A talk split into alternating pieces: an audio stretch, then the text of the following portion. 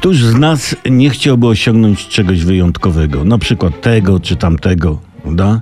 Szanse na sukces trzeba zwiększać poprzez przemyślaną strategię i sensownie dopracowany plan. Posłużę się przykładem. Odkładamy jedzenie i słuchamy. Taki tytuł z portali. Nomen omen. Czy odchody z samolotu mogą ci spaść na głowę? Wyjaśniamy. Koniec cytatu. Wyjaśniają autorzy. I opisują przypadek Anglika, na którego w jego własnym ogrodzie e, spadły e, owoce pobytu pasażerów w samolotowej toalecie. Jedynki z dwójkami pomieszane, takie cich, cich. Przeżycie duże, można powiedzieć jedyne swego rodzaju. Prawda? Dziubiesz grządkę z rzodkiewkami, a tu nagle chlust z nieba i cały taki uwalany wonną substancją o charakterystycznym odorku, wycierając oczy, zastanawiasz się, czy rzeczywiście słonie nie potrafią latać.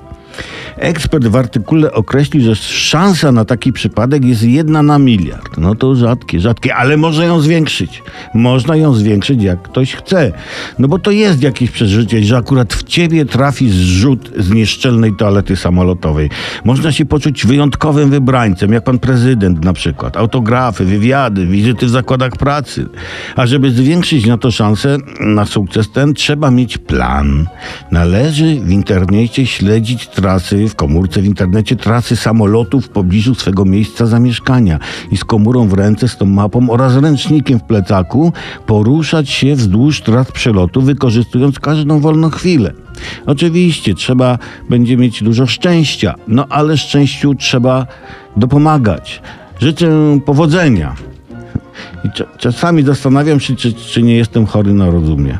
Nie, to taka refleksja, nie zwracajcie uwagi, róbcie swoje, szczególnie w samolocie.